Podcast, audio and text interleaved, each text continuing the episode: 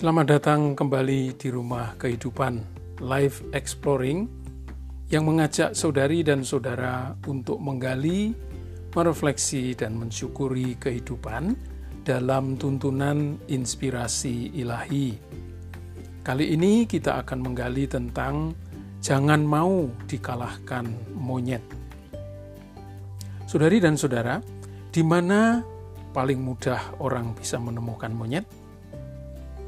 Kalau orang percaya kepada teori Darwin, tentu mudah sekali melakukannya.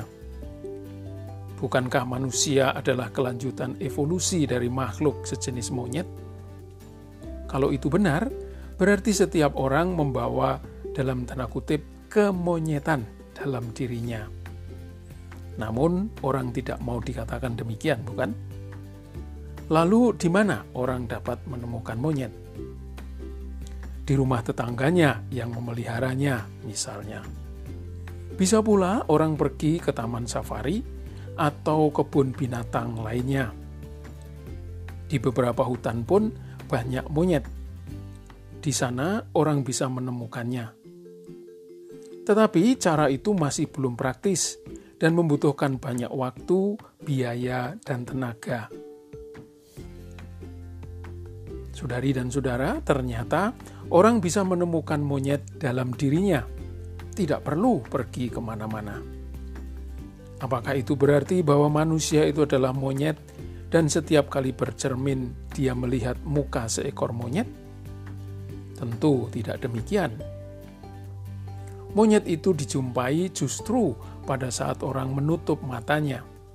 Misalnya, waktu berdoa atau bermeditasi Bukankah sewaktu berdoa atau bermeditasi, orang sering ngelantur, mengikuti banyak pikiran dan lamunan yang melompat dari satu tempat ke tempat lain seperti monyet? Betapa sulitnya mengendalikan monyet-monyet dalam pikiran itu. Banyak orang yang jengkel dengan monyet-monyet itu. Sebagian yang lain malah merasa frustrasi tatkala menjumpai doanya dipenuhi monyet-monyet. Ada pula yang akhirnya memutuskan untuk berhenti bermeditasi sama sekali. Apa manfaatnya berdoa dan bermeditasi kalau setiap kali melakukannya orang terjebak dalam kondisi ini? Doa itu terasa sia-sia dan membuang waktu saja. Mereka kalah dengan monyet. Fakta menegaskan bahwa orang-orang kudus juga mengalami hal serupa. Santa Teresia dari kanak-kanak Yesus kerap dijumpai tertidur di kapel waktu berdoa. Santa Teresa dari Avila, sang guru rohani tingkat tinggi dan pengajar doa itu juga sering ngelantur pada waktu bermeditasi. Apakah mereka menyerah dan berhenti bermeditasi?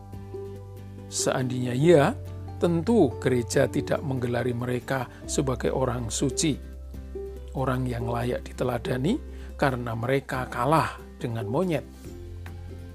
Bruder Loren yang hidup tahun 1610 sampai 1691, seorang karmelit dari Perancis yang sangat terkenal dalam pengalamannya akan kehadiran Allah, menasihati, biarkanlah pikiranmu dipenuhi dengan kehadiran Allah.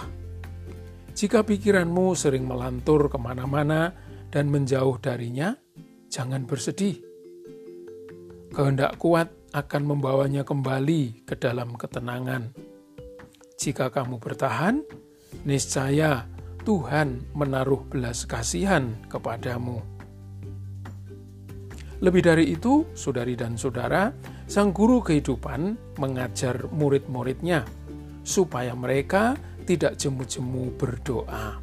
Lukas 18 ayat 1 sampai dengan 8. Rahmat Tuhan memang sangat diperlukan agar orang bisa berdoa secara baik dan berdaya guna, berusaha terus, bermeditasi dan bermeditasi meskipun sering kali seperti gagal dan tidak berarti.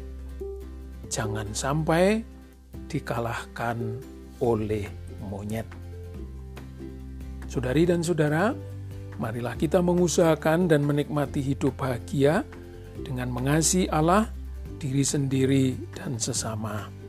Tuhan memberkati.